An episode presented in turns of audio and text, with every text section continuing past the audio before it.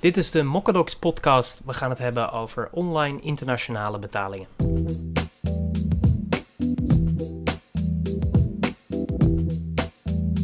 Welkom, leuk dat je kijkt of luistert naar de Mokkadox podcast. Mijn naam is Bram van Montvoort, ik ben copywriter bij Mokkadox. En eh, bij mij is aangeschoven Matthijs, welkom. Ja, goedemorgen eh, Ja. eh, Bram, leuk om er te zijn. Nou, eh, leuk om je hier te hebben. Matthijs Koorn zit in de Raad van Advies bij Mokkadox. Maar dat is niet de hoofdreden dat je hier nu bent. Je bent expert op het gebied van payments, payment platformen. Ja, klopt. Ik ben onafhankelijk expert inderdaad op payments en pla- platformen, e-commerce platformen. Ik heb ruim 15 jaar ervaring in de wereld van betalingen. Eigenlijk in alle aspecten van het betalingsverkeer. Dus zowel aan de bankenkant, zeg maar de uitgifte, als aan de acceptatiekant en de verschillende platformen. En eh, ik adviseer klanten, nationaal en internationaal, wat te doen eh, en hoe hun systemen te, te verbeteren. Nou, over dat internationale gaan we het nu hebben. Want eh, nou, daar komt nog stiekem best wel veel bij kijken bij internationale betalingen. Het even als leek, ik zou denken, het is zoveel makkelijker geworden online, internationaal betalen. Gaat wel. Bram, helemaal gelijk. Het is zeker makkelijker geworden. Tegelijkertijd zijn er ook wel wat dingen gebeurd eh, waardoor het niet makkelijker, zelfs complexer is eh, geworden. Dus ik zou zeggen, laten we in de komende 10, 15 minuten op die verschillende punten ingaan. eh, en daar eens wat dieper naar kijken. Ja, in het voorgesprek noemde je al belastingen als een van de hordes waar je mee te maken hebt als je internationaal gaat verkopen. Klopt. Je ziet een wirwar aan belastingen. In Europa is dat grosso modo goed, goed geregeld. Ooit was het zo dat eh, de locatie, dus eigenlijk tot 1 januari 2015 in Europa werd er gekeken qua BTW en belastingen. Waar is de verkoper gevestigd? Dus toen zag je eigenlijk een concentratie vooral naar Luxemburg, waar een 0% tarief eh, van BTW was. Dus heel veel software en digitale diensten, denk ook aan digitale boeken, maar ook clouddiensten werden verkocht vanuit Luxemburg. Nul tarief, makkelijk. 1 januari 2015 is dat verschoven naar de locatie van de koper. Dus een consument eh, moet in Nederland 21% belasting eh, eh, daarover betalen. Dus is het wat duurder geworden. Bedrijven kunnen dat natuurlijk verrekenen. Maar grosso modo in Europa duidelijk goed geregeld. Ga je naar Amerika, daar was het al complex. Als je daar een presence had, hè, dus je had ergens in Amerika een kantoor of een aanwezigheid, dan moest je in ieder geval in die staat, en eigenlijk in iedere staat waar je een significante omzet had, en de vuistregel was meer dan een miljoen dollar omzet in een staat, dan moest je BTW betalen. In Amerika heet dat sales tax. En dat varieert eh, van ongeveer 6 tot 10 procent. Maar het varieert per staat. Sales tax echter wordt berekend op eh, landelijk niveau. Daar mag de staat mag daar ook wat bovenop leggen. En daar mag zelfs een onderdeel van de staat, een county, mag daar iets op toeleggen. Eh, en je ziet zelfs staten waar het op postcodegebied verschilt om een stukje concurrentie te doen. Dat stamt nog uit de tijd dat verkoop eigenlijk alleen fysiek was. Hè, dus denk aan grote eh, ketens als een, als een Walmart. Die maakten daar gebruik van. Zoals gezegd, het was vrij makkelijk om dat te omzeilen. Dus denk aan, eh, denk aan Mocadox, als die vanuit Nederland wat software verkochten. Er was eigenlijk niks aan de hand. Nee. Hoefde Amerikaanse kopers, die kochten dat bij een BV. Ook die grens van een miljoen omzet. Ook de grens van een miljoen, Ja. precies. Dat was eigenlijk geen probleem. En zelfs daarboven, zolang je geen gekke dingen deed, zolang er niet te veel klachten kwamen, was er niks aan de hand. Afgelopen week is daar verandering in eh, gekomen. Je zag al dat in Amerika veel winkeliers die ook een fysieke aanwezigheid hadden, die waren aan het lobbyen. Die hebben natuurlijk sowieso daarmee te maken. Die hebben daar sowieso mee te maken. Die- er is natuurlijk één gigantische concurrent eh, in Amerika, dat is Amazon. Ehm, die verkoopt alleen maar online. Dus er, er werd meer en meer geklaagd, lees gelobbyd eh, tegen Amazon, maar tegen e-commerce. Van ja, dat, dat is een oneerlijke concurrentie. Die betalen geen of weinig eh sales tax. Dus afgelopen week is daar een ruling eh, geweest. Er was eigenlijk een uitspraak van, van, van een van de gerechtshoven. Dat eh, net als in Europa moet een e-commerce partij gaan kijken naar de locatie van de koper. Nou, op zich is dat duidelijk. Maar wat ik daarvoor al zei, die sales tax die wordt berekend in sommige gevallen tot op kost, Ja, dus in Europa niveau. moet ik kijken van, oh, dit verstuur ik naar Roemenië. Nou, Roemeense tekst. In Precies. Amerika kan het zijn, dit is naar Atlanta in de staat Georgia. In, dus dan heb je drie niveaus van belastingen. Nou ja, en vier niveaus als het dus tot op straat- of boscode niveau eh, gaat. In een, in een gebied dat groter is, dus 50 staten maal een aantal counties per staat. Ja, dus dat is een gigantisch complexe eh, eh, tabel ja, die niet zomaar eh, in je systeem te zetten is. Laat staan bij te houden. Wat, wat raad je e-commerce partijen aan? En dan niet de bol.coms of de Coolblues, de echt grote bedrijven, maar de wat kleinere bedrijven, hoe hiermee om te gaan als ze daar verkopen. Nou ja, Want dus- het is voor de duidelijkheid, het is niet alleen fysieke, het zijn ook digitale Ook digitale, ook, ook digitale goederen. Wat je ziet is, eh, er zijn eigenlijk twee opties, t- tweeënhalf.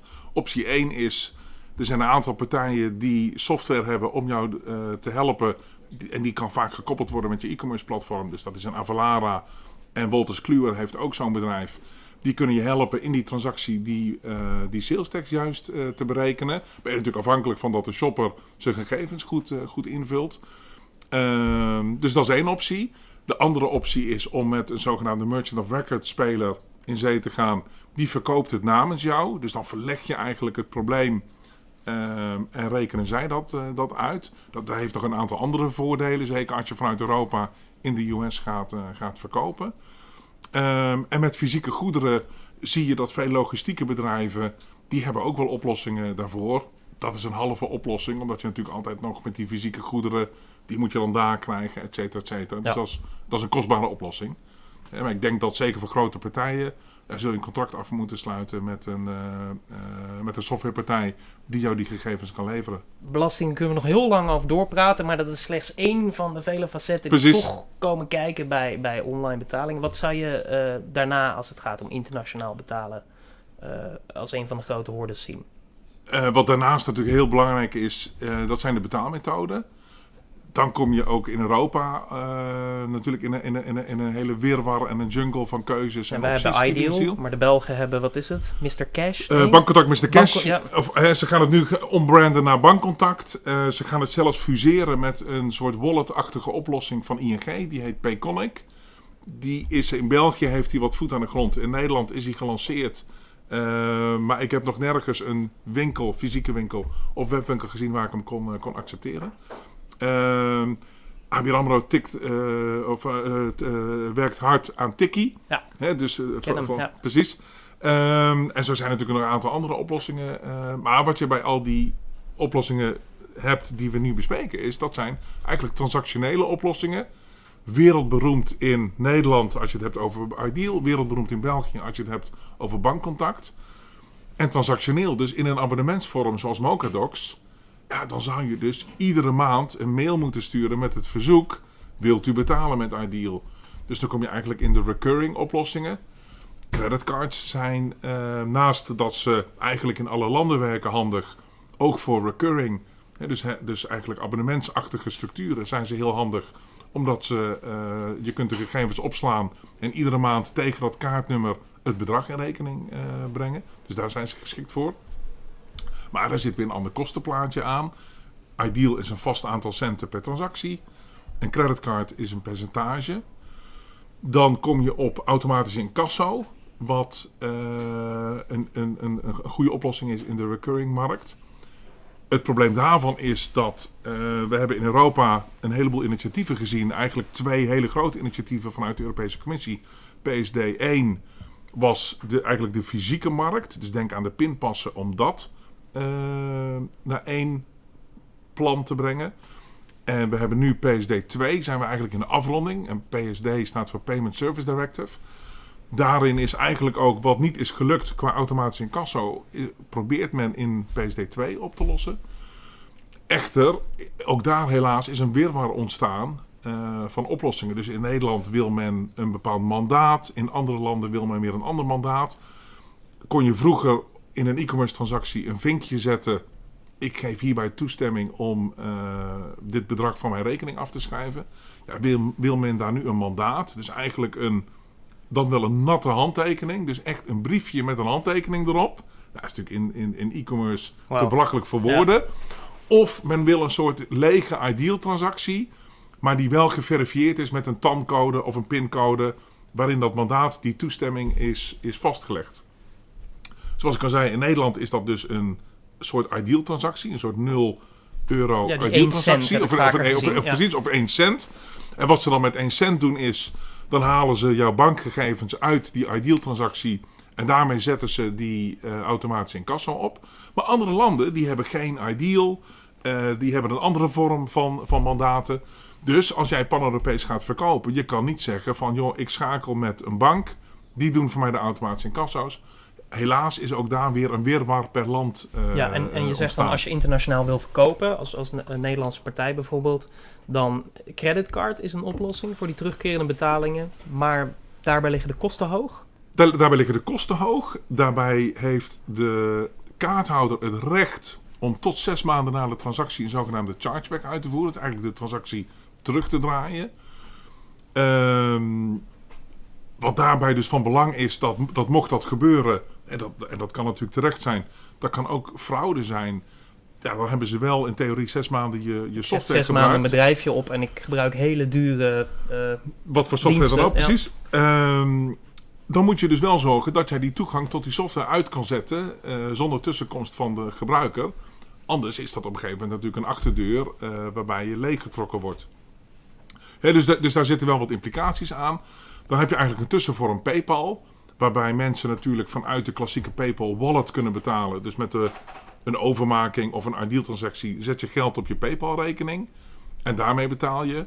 Of PayPal haalt het rechtstreeks van je creditcard of je bankrekening eh, eh, af. Hè, maar daar is, daar is PayPal een tussen, tussenschakel. En ook PayPal is een goede partij om recurring transacties eh, te ondersteunen. Maar is ook niet de goedkoopste betaalmethode. En in het ene land is het wel heel populair en in het andere land niet. Dus in, PayPal is in Duitsland wel heel populair. In Nederland redelijk. En in Engeland is het wel weer populair. Dus wat je ziet is, en je wil natuurlijk ook niet per land 20 betaalmethoden laten zien. Idealiter laat je 4 tot 5 methoden zien. Ja, dus dan moet je weer per land toch gaan kijken van ja, wat zijn de populaire methoden per land. maar je Dus- hebt ze dus wel nodig, als ik het goed hoor. Als jij pan-Europees of zeker eh, meerdere continenten wil verkopen. Helemaal mee eens. Ehm, eh, goede observatie, Bram. Je hebt ze nodig. Eh, dus je zult per land een, een soort sub-checkout moeten maken. Waarbij je In België laten we dit zien, in Spanje laten we dit dat zien. zien, in- precies.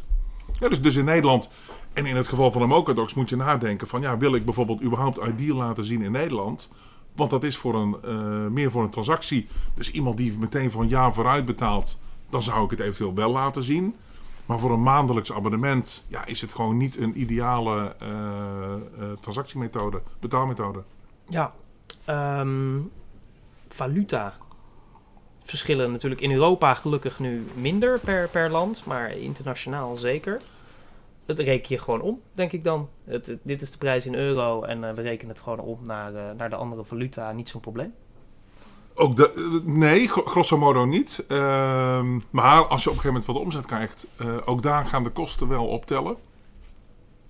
Ik heb het bekeken. Je hebt natuurlijk om en bij de 36 landen. Je komt toch nog op 10 tot 12 talen In Europa. in ja. Europa. Ehm, we hadden het over munten. Je Ja, komt, je verschillende- komt, je komt, je ja. komt niet talen, je komt, je komt op meer dan. Je, je, komt op eh, eh, eh, 12 verschillende munteenheden. Toch nog Alle- Zwitserse toch nog frank, de Zwitserse franken, de, de, ja. de, alle Scandinavische landen hebben hun eigen kronen. Je hebt het pond nog in Engeland. Ehm, de, de, de ron of de lef in, in Bulgarije en Roemenië. Dus alsnog een hele, een hele een- een- van alles en nog wat. Daar heb je eigenlijk een, een, een- onderscheid tussen wat, wat we noemen een basket currency en een settlement currency. Een basket currency betekent eigenlijk dat in de transactie laat je de consument betalen met zijn of haar lokale munt. Dus in het geval van een Engelsman zul je Britse ponden laten zien. Ja. Maar jouw betaalleverancier die kan eigenlijk alleen maar in euro's afrekenen. Dus die doet aan de achterkant uiteindelijk een conversie naar euro's en jij krijgt in euro's gestort. Mhm. Dat gaat je tussen de 1 en 3 procent kosten eh, per transactie. En eh, als het om kleine hoeveelheden gaat, kan het nog wel eens meer zijn dan die, dan die 3 procent. En het zal vaak eh 2 procent of meer zijn die het je, die het je kost. Ehm, heb je ook po- ponden als een settlement currency, Ja, dan krijg je gewoon die ponden die je omzet in ponden uitbetaald. En zeker als je ook kosten hebt in ponden, kunnen de wat grotere betaalleveranciers kunnen keurig netjes in sommige gevallen een virtuele rekening voor je aanhouden. En kun jij vanaf die virtuele rekeningen ook uitbetalingen doen. Kun je iets eh, zeggen over het omslagpunt? Als ik 1% van mijn klanten uit de VK komt of 20%, wanneer zou ik, want ik denk dan dat zo'n settlement currency duurder is om op te zetten. Wanneer, wanneer zou je daar naartoe moeten? Dat punt ligt, nu nog relatief hoog. Ik denk dat je wel op een ton, anderhalve ton uitkomt. Maar, eh, en wat ik zei met die virtuele rekeningen, je krijgt meer en meer partijen die virtuele rekeningen aanbieden. Dus binnen één hoofdrekening kun je verschillende virtuele rekeningen met munteenheden aanhouden. Ja, dus dat, dat omslagpunt gaat wel omlaag. En zeker als je ook kosten hebt in die andere valuta, eh, dan is het helemaal interessant om dat te gaan bekijken. Want dan, dan heb je die kosten bij eigenlijk het ontvangen van het geld. Maar omdat je het geld ontvangt in euro's en je moet uitbetalen in die munteenheid, dan ga je nog een keer. Hè, dus heb je eigenlijk die kosten twee keer. Ja, dan gaat dat omslagpunt heel snel omlaag. En kom je eh, op enkele tienduizenden euro's, begint het al interessant te worden om in dat soort verschillende currencies te gaan doen. En dan hebben we het alleen nog maar over Europa, Bram. In de US, of course, zijn het alleen maar dollars. Ja, Eh, maar ga je naar Azië, is het helemaal een waaier aan, eh, eh, aan verschillende munten en verschillende currencies. Maar natuurlijk ook in de dollar. Iedere investeerder zal jou vragen, als je in een cloud business zit, zoals Mochadox, hoe snel kun je naar Amerika gaan? Ja, dan, ga, en, dan, en dan moet je in dollars. Dan, dan kun je niet een eurorekening aanhouden, want dan ga, dan ga je nat. Dan, dan gaan die kosten zo hard oplopen. Dan heb je kosten in dollars.